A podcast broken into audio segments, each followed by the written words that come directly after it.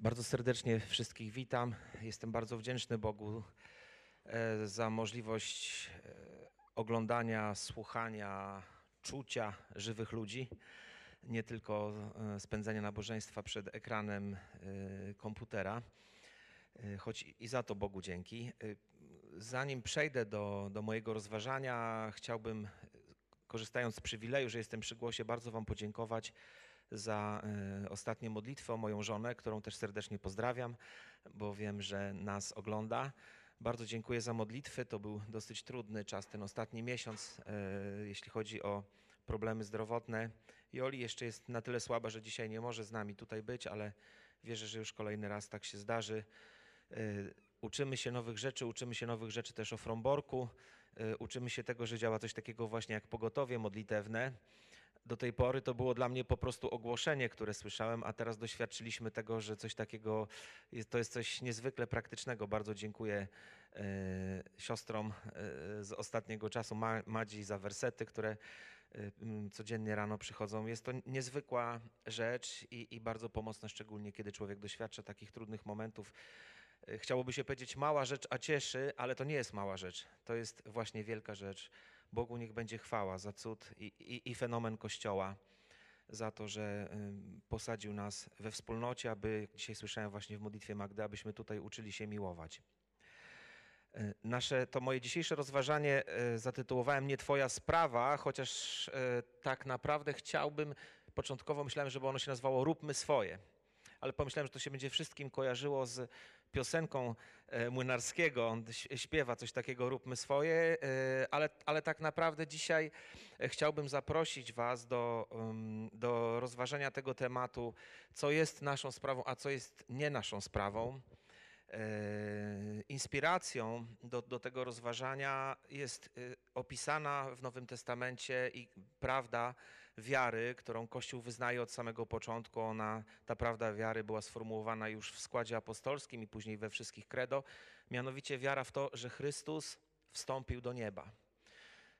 Już od e, końca III wieku, od początku IV wieku Kościół świętował, nie tylko, nie tylko wspominał narodzenie Chrystusa, ale wspominał i wspomina, i dzisiaj jest właśnie w roku liturgicznym ten moment wspomnienia tego, tego wydarzenia, w którym Chrystus wstępuje do nieba. I chciałbym wraz z Wami dzisiaj mm, ten fragment y, odczytać. A będę czytał początek dziejów apostolskich. Y, mm, muszę się no, tutaj jeszcze. To tam, tak? A to może, Gosiu, jestem przekonany, że będziesz mi pomagać, bo ja y, pewnie coś pokręciłem. Jeśli macie swoje Biblie, to zachęcam, żebyście do nich spojrzeli. Mm, ewangelista Łukasz pisze tak. Pierwszą księgę napisałem Teofilu o wszystkim, co Jezus zaczął czynić i czego nauczać, aż do dnia, w którym został wzięty w górę po tym, jak przez Ducha Świętego udzielił poleceń apostołom, których wybrał im też po swojej męce objawił się jako żywy w wielu niewątpliwych dowodach. Przez 40 dni ukazując się im i mówiąc o Królestwie Bożym. A gdy byli zebrani razem, nakazał im: Nie odchodźcie z Jerozolimy, ale oczekujcie obietnicy Ojca, o której słyszeliście ode mnie. Jan bowiem chrzcił wodą, ale wy po niewielu dniach będziecie ochrzczeni Duchem Świętym. Tak więc zebrani pytali go, Panie, czy w tym czasie przywrócisz królestwo Izraelowi? Lecz on im odpowiedział, nie wasza sprawa.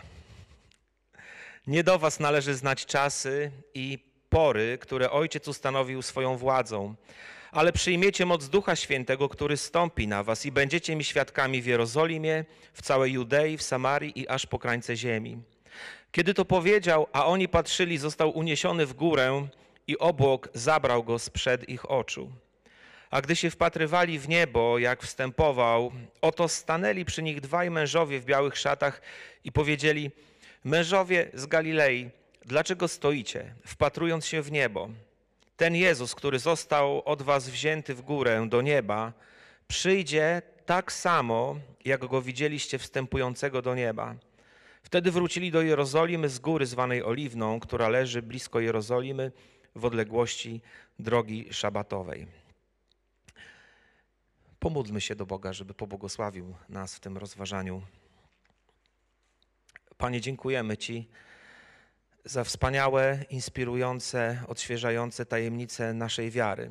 Wiary w to, że Syn Boży stał się człowiekiem, narodził się z Marii Dziewicy, został ukrzyżowany, pogrzebany, trzeciego dnia zmartwychwstał, a później wstąpił do nieba i siedzi po prawicy Ojca.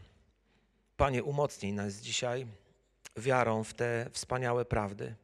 Umocnij nas dzisiaj wiarą w to, kim jesteś, dlaczego wstąpiłeś i umocnij naszą wiarę w Twoje powtórne przyjście. Amen. Czy zdarzyło się Wam kiedyś, kochani, że e, tak bardzo zaangażowaliście się w jakąś czynność bądź wydarzenie, że spóźniliście się na jakieś ważne spotkanie? E, robię coś, robię, robię i nagle patrzę, wow, to już jest ta godzina. Ja dokładnie miałem taką sytuację we czwartek. W, w czwartki o 18.45 prowadzę w Olsztynie taką grupę biblijną, podczas której studujemy słowo, przychodzą na nią różni ludzie. Ale ponieważ bardzo lubię swój ogród, a mam bardzo, bardzo mało czasu wolnego, no to i, i jeszcze ta pogoda była w kratkę, więc wiecie, jak jest tylko chociaż troszkę słońca, to od razu do tego ogrodu. I popatrzyłem na zegarek, no wiecie, 16, wow, to mam jeszcze spokojnie dwie godzinki. I nagle te dwie godzinki po prostu przeleciały tak, w ogóle nie wiadomo, odwrotnie niż w operze. Wiecie, co to jest opera, prawda?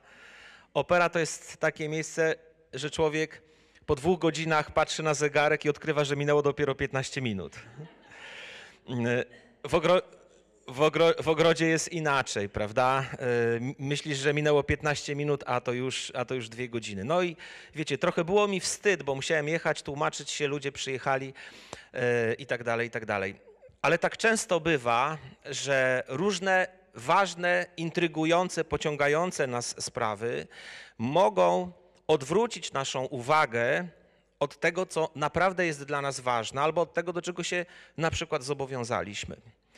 E, od jutra rozpoczyna się mm, moment wyzwania dla wielu uczniów i dla wielu nauczycieli, bo oto po bardzo, bardzo długim okresie izolacji uczniowie, mam na myśli tych starszych, klasy 4-8 i, i szkoły średnie, wracają do stacjonarnego nauczania. Nie wiem, kto się bardziej tym stresuje, uczniowie, bo psychologowie biją na alarm, mówią, że dziewczynki się wstydzą, bo się zmieniły przez ten rok i teraz jak one wyglądają. Niektóre przytyły, niektóre chłopcy, niektórzy przeszli mutacje, na policzkach się coś tam pojawiło, dobre kosmetyki mogą pomóc. E, e, I. Nauczyciele są zestresowani, bo teraz jest nagonka, że nie wolno robić klasówek, wiecie, rady pedagogiczne podejmują uchwały, że zapraszamy szkoła bez klasówek, szkoła bez zadań, w ogóle szkoła bez niczego, szkoła bez ocen. Wiecie, jak ktoś powie słowo egzamin albo klasówka, no to od razu praktycznie już się zbiera chrust i, i, i przygotowuje stos dla niego. Nie wiadomo jak uczyć, nie wiadomo jak się zachować, nikt, nikt nic nie wie. Ludzie się boją i stresują, więc ludzie myślą o wszystkim, tylko nie, nie o szkole, nie o tym, do czego szkoła jest powołana. Rozmawiam z rodzicami i niedawno jedna mama powiedziała do mnie: Wiesz, ktoś mi ukradł dziecko. Nie poznaje mojego własnego syna. Nie potrafi się skupić nawet kilka minut na jednej rzeczy coś takiego się stało, niby nie robił nic złego, zajął się czymś innym niż do tej pory i właściwie w tej chwili straciłam z nim kontakt, potrzebuję specjalistycznej pomocy. Mnóstwo takich głosów. Dzieje się z ludźmi coś dziwnego. Wiecie, to jest pewna nasza przypadłość, że czasami pewne rzeczy nas tak bardzo zaabsorbują, rzeczy, które nie są w same w sobie złe nie są moralnie złe, są zupełnie neutralne, a jednak sprawiają, że zapominamy o tym, co najważniejsze, o tym, co jest naszą sprawą.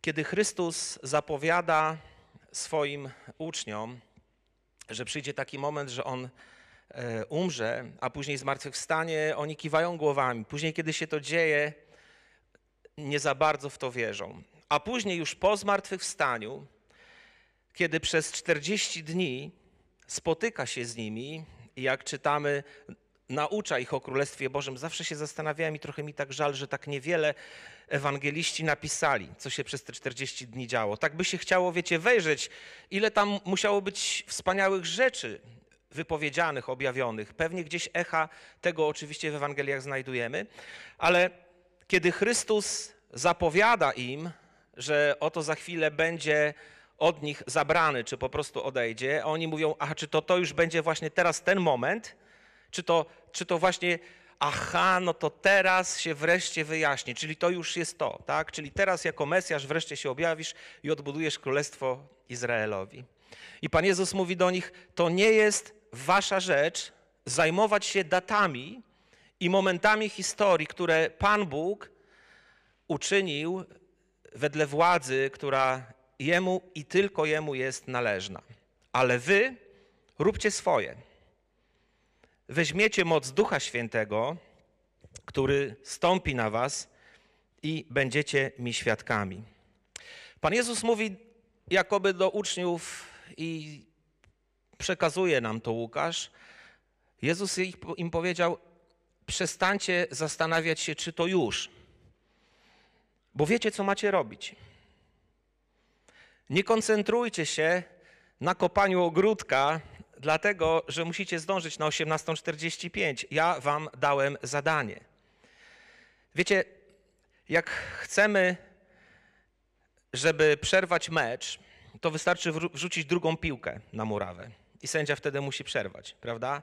Bo nagle wszyscy są zdezorientowani. Cały mecz jest przerwany, no bo piłkarze nie wiedzą, za którą piłką mają lecieć. Wiecie, myślę, że Pan Jezus chciał uchronić uczniów właśnie przed tym, żeby nie, pozwoli, żeby nie pozwolili sobie na to, że diabeł wrzuci na pole gry drugą piłkę.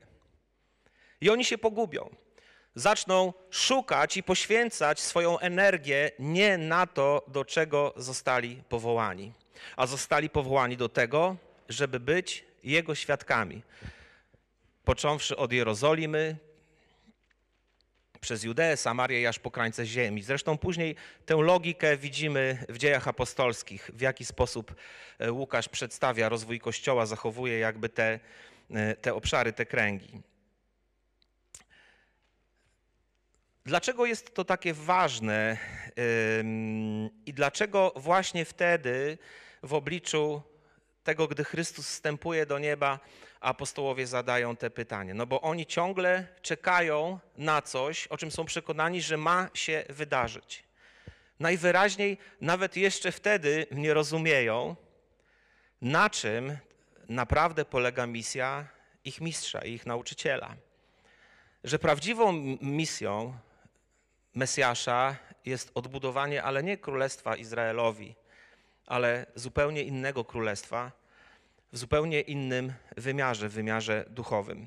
I musi upłynąć jeszcze trochę czasu, zanim to zrozumieją. Ba, wierzę, że, że y, będziemy jeszcze o tym słyszeć, nawet po zesłaniu Ducha Świętego, jak, jak, wiemy z historii Kościoła, niespecjalnie kwapią się uczniowie, apostołowie, żeby tę Jerozolimę opuścić i żeby rzeczywiście iść w ten świat i robić to, do czego Jezus ich wezwał. Wybuchają prześladowania i dopiero wtedy Kościół e, się, e, że tak powiem, rozchodzi, żeby robić swoje.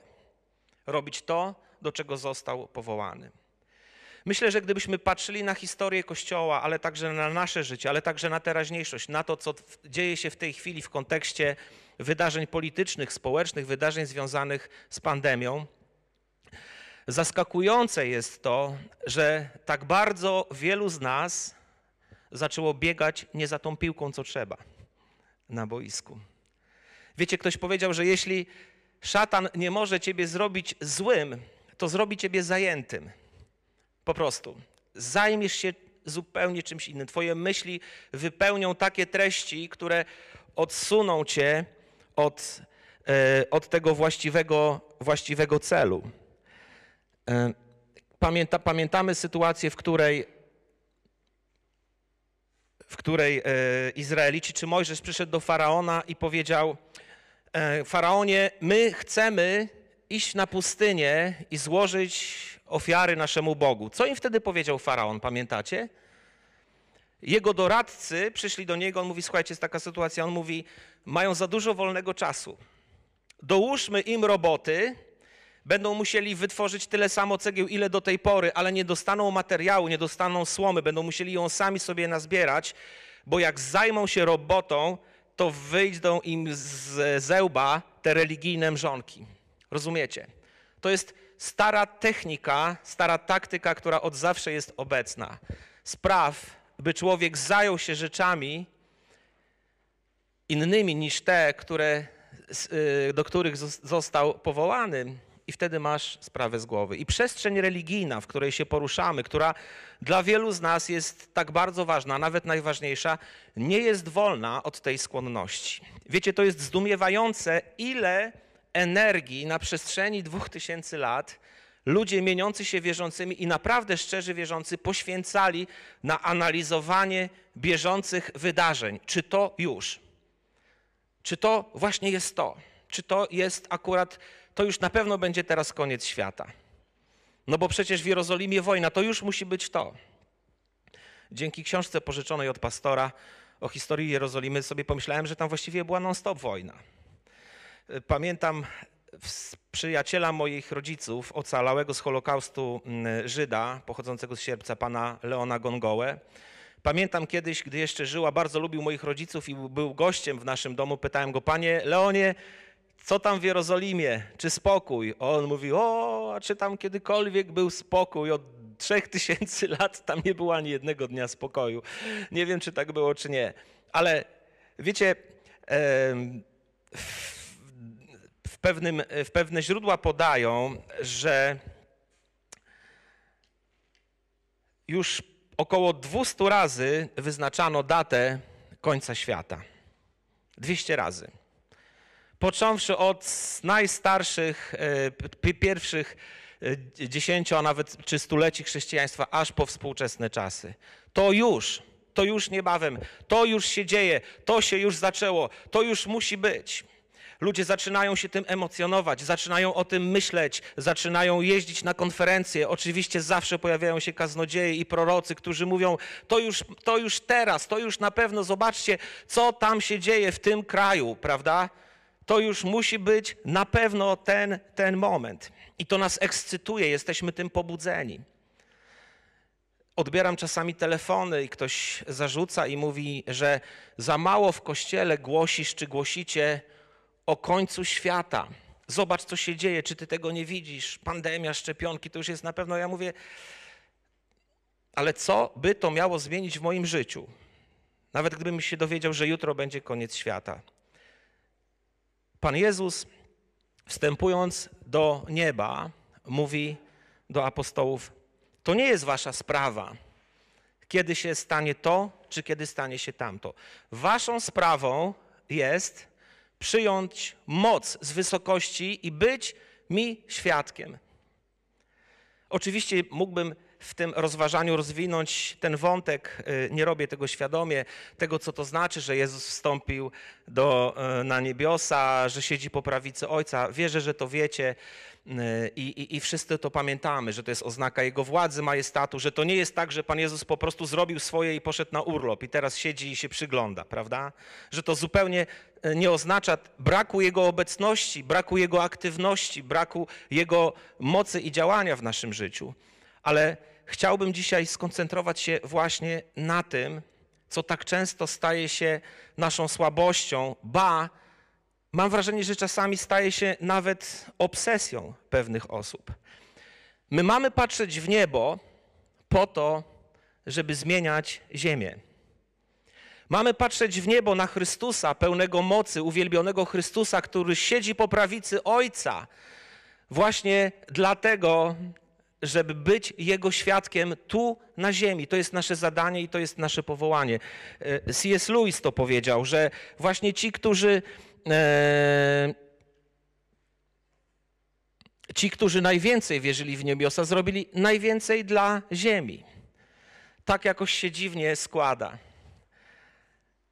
Bardzo często bywa tak, i myślę, że się ze mną zgodzicie, że mm, możemy ulec swego rodzaju takiemu niezdrowemu zainteresowaniu tym, co nas czeka. To jest podobnie jak z tym zainteresowaniem, jak to jest po śmierci. Niezliczone ilości książek, objawień, spotkań z duszami.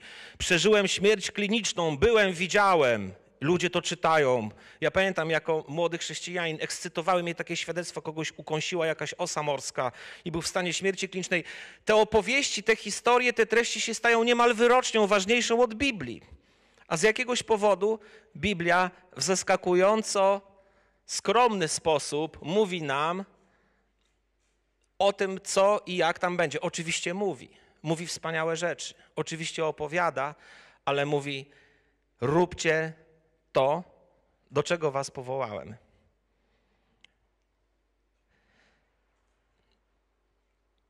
Te przy, przewidywanie tego czasu, różnych wydarzeń jest bardzo ryzykowne, dlatego też, że wielu ludzi zostaje oszukanych i w końcu się rozczarowuje i odchodzi. Miało być tak pięknie, a wyszło jak zawsze, prawda? I ludzie zaczynają myśleć, że to jest wina Biblii, że to z chrześcijaństwem jako takim jest coś nie tak, ale to nie jest wina chrześcijaństwa, że coś jest nie tak. Wiecie, to też pozwólcie na małą dygresję. Wielu ludzi się dziwi, że w orkiestrach symfonicznych muzycy z dyrygentami się kłócą, bo przecież mówi się, że muzyka łagodzi obyczaje.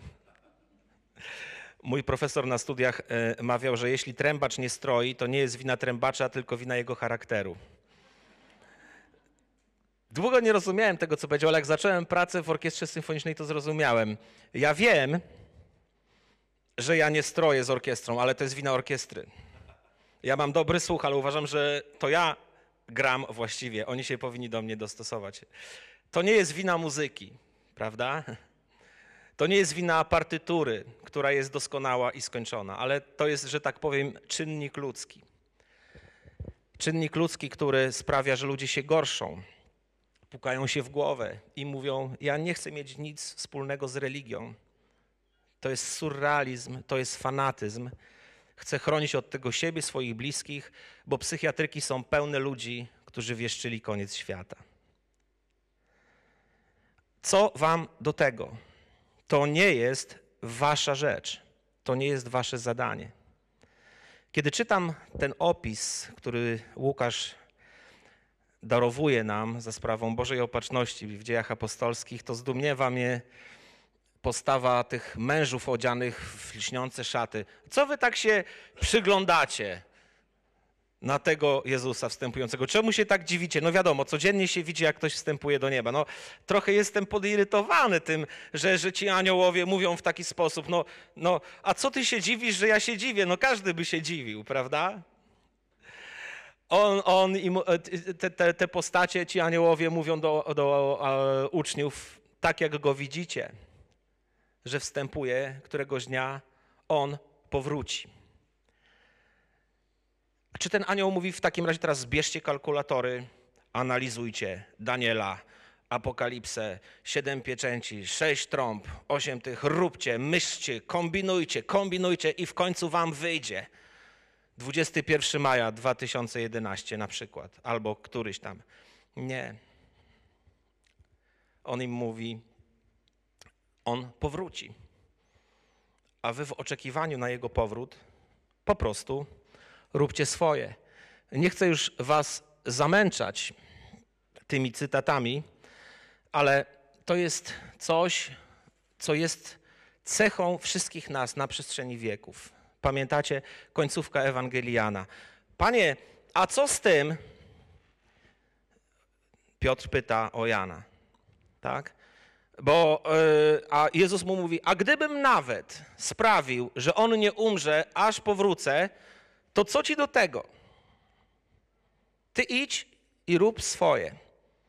I rozeszła się wieść wśród uczniów, że Jan nie umrze aż do powrotu Chrystusa, ale, i to jest bardzo ciekawe, że tej ewangelist, tam on wcale nie powiedział, że on nie umrze, tylko on powiedział, co ci do tego.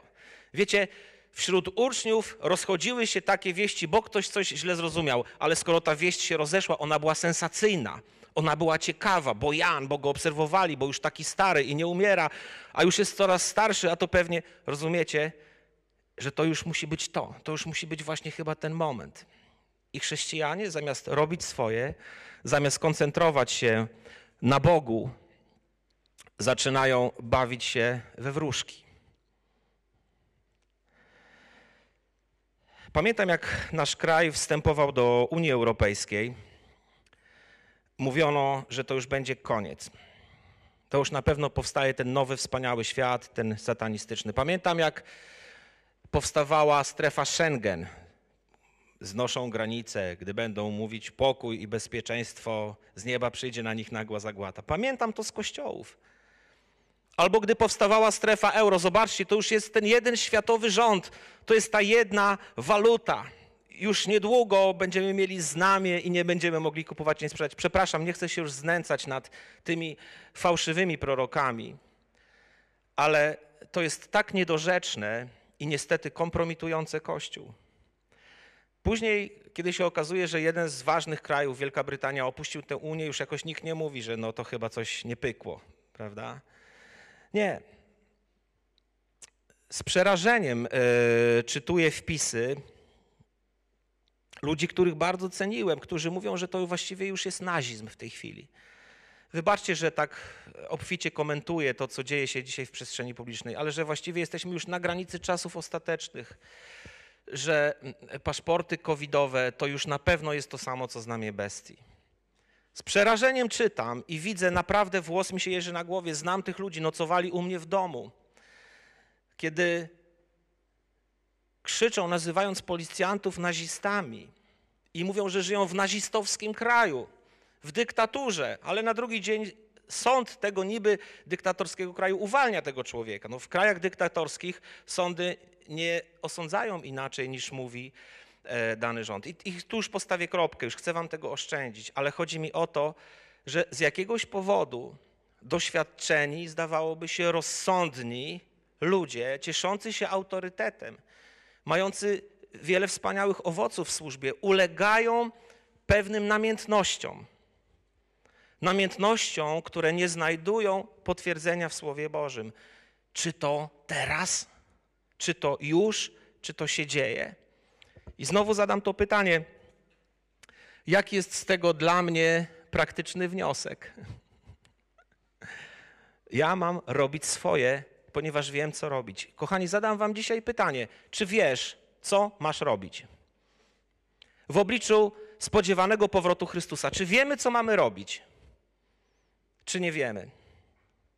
Myślę, że przesłanie tego zdania skierowanego przez Pana Jezusa do, do uczniów tak naprawdę można by porównać do, do tej zachęty, abyśmy się nie rozpraszali i abyśmy się pogodzili z tym, że nie na wszystkie pytania poznamy odpowiedzi.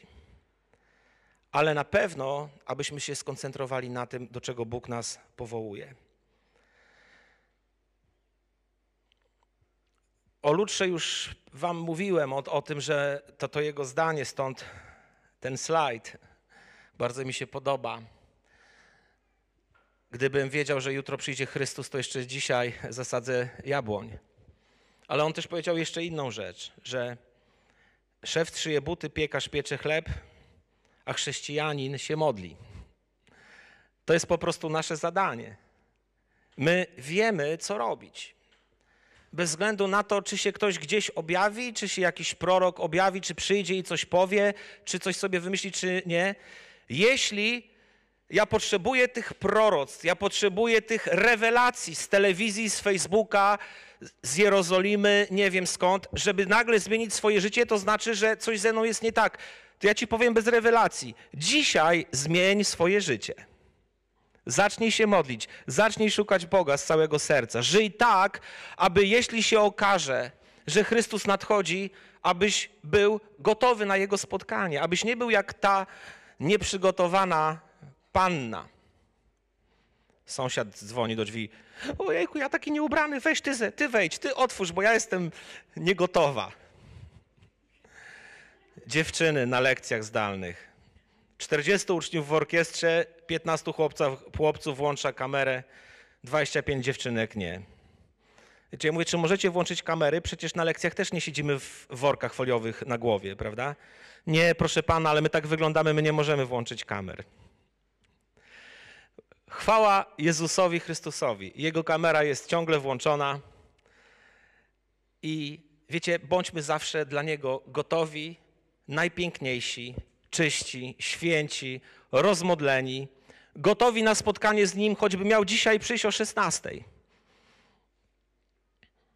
To jest wspaniała rzecz i wierzę, że to jest to, do czego zostali powołani apostołowie w tym słowie, które skierował do nich Chrystus tuż przed swoim w niebo wstąpieniem. Nie koncentrujmy się i nie traćmy czasu na jałowe rozważania, debaty i dyskusje. Co ma być, to będzie. Bo nie nasza to rzecz znać czasy i dni, które Bóg w swojej mocy ustanowił. Naszą rzeczą jest wziąć moc Ducha Świętego i być świadkiem Chrystusa. W Olsztynie, Fromborku, Różnowie, Braniewie, Elblągu i wszędzie tam, gdzie Bóg nas powoła. Czy jest coś, czego nie wiemy? Czy potrzebujemy dodatkowych proroctw, wizji, objawień i znaków czasu, by być świadkiem Chrystusa tu i teraz, kochani? Czy jest coś, czego nie masz dzisiaj? Czy potrzebujesz super nadzwyczajnego objawienia, żeby po prostu żyć porządnym chrześcijańskim życiem i sadzić tę jabłonkę, żeby się modlić?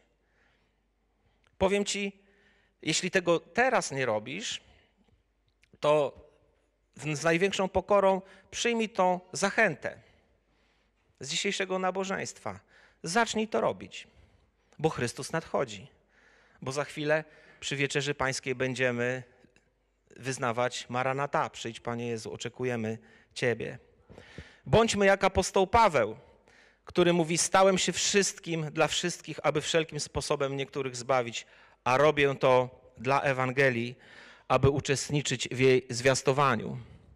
Paweł pisze, nie dajmy się rozproszyć. Porównuje chrześcijaństwo do biegu, do zapasów, do służby wojskowej mówiąc: bądźmy skoncentrowani na tym, co jest naszą rzeczą, nie dajmy się diabłu i nie zacznijmy biegać za piłką, którą co i róż próbuje wrzucać na nasze boisko.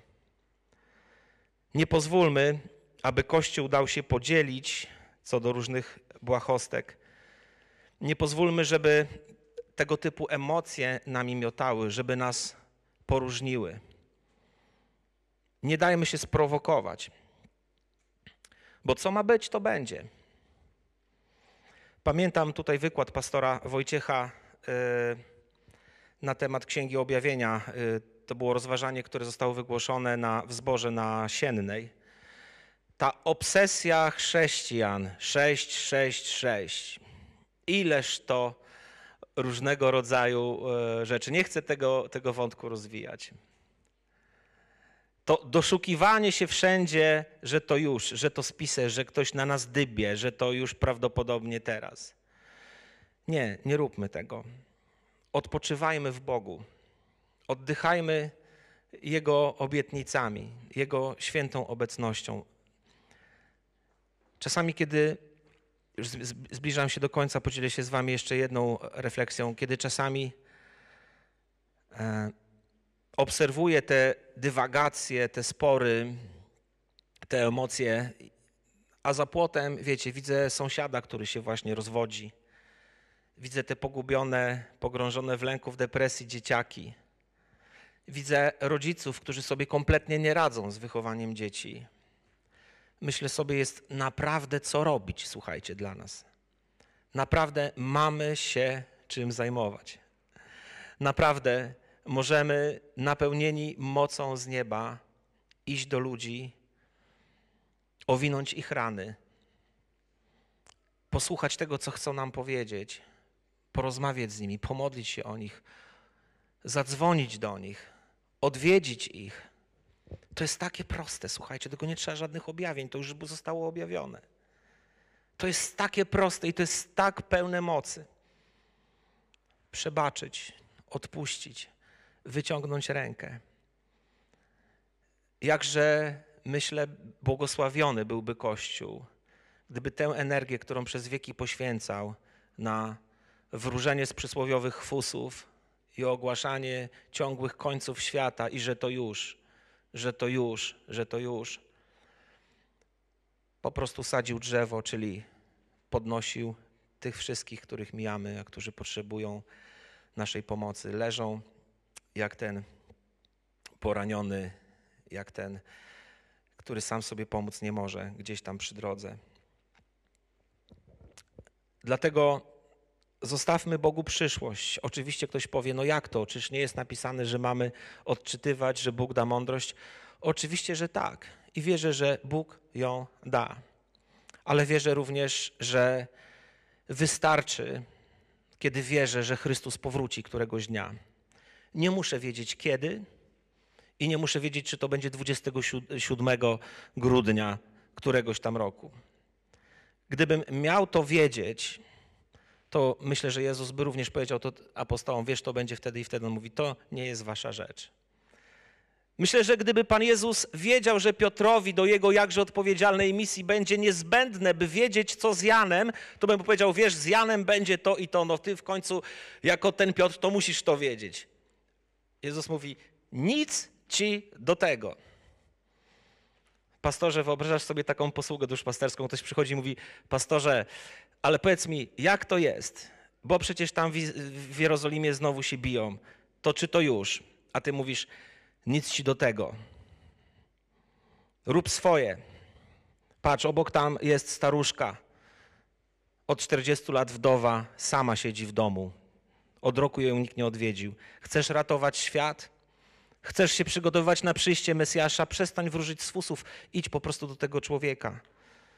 Pomódl się o niego, zadzwoń do niego, potrzymaj go za rękę. Wiecie, co robi Bóg w niebie? Ociera łzy. Czy ktoś z wam kiedyś otarł łzę? Przypomnijmy to sobie. Zdarzyło się wam w życiu, że ktoś wam otarł łzę z policzka? Mi tylko jako dziecku pamiętam. Słuchajcie, kim jest osoba, której pozwolisz na to, by otarła ci łzę z policzka? Jakże musi być bliska, jakże musi być czuła, jakże musi być wrażliwa kiedy czytam w Księdze Objawienia, że tam będzie Bóg, który otrze łzę z oczu swoich świętych, to wiecie, to mi wystarcza za całą apokalipsę. To mi wystarcza. Czy ja wzywam do ignorancji teologicznej? Nie. Ale wzywam do tego, abyśmy robili to, co jest naszą rzeczą, a zostawili to, co nie jest naszą sprawą z pożytkiem duchowym dla naszego własnego życia, dla życia wspólnoty, kościoła, kraju. Wierzę, że to jest naszą misją i to jest naszym powołaniem. Zostaw przepowiadanie przyszłości Panu Bogu. On to postanowił i tak będzie. I nie przeszkodzi mu w tym ani prezydent najbogatszego kraju na świecie, ani tego, co będzie dopiero najbogatszy. Nie przeszkodzi mu w tym ani właściciel pewnej korporacji, firmy internetowej, ani żadni masoni, ani żadni finansiści, ani żadne koncerny farmaceutyczne. Nikt i nic nie może przyćmić i zachwiać Bożych planów, bo to Bóg jest jedynym, który w swojej mocy to ustanowił. Czyż to nie sprawia, że możemy oddychać spokojnie? Czyż to nie sprawia, że nagle mówimy: Wow, to ja idę do tych ludzi, chcę z nimi być, chcę im współtowarzyszyć w ich niedoli, w ich cierpieniu, w ich samotności, której jest tak wiele, aż po krańce ziemi. Oczekiwaniu na wspominanie zesłania Ducha Świętego życzę Wam, aby to był wspaniały tydzień zarówno to piątkowe modlitewne czuwanie, ale ten cały tydzień. Niech będzie z jednej strony wspominaniem i wyznawaniem i kontemplacją tego faktu, że Chrystus wstąpił na niebiosa i zapowiedział to, że ześle Ducha Świętego, a później korzystając z mocy Ducha Świętego, idźmy w tym przekonaniu, w tym posłaniu, by być Jego świadkiem na tym świecie, który najbardziej potrzebuje poznać Chrystusa. I to jest takie proste, To jest tylko tyle i to jest aż tyle. Niech Bóg nas błogosławi. Jeśli pozwolicie, chciałbym, abyśmy się teraz przez chwilkę pomodlili. Może powstańmy.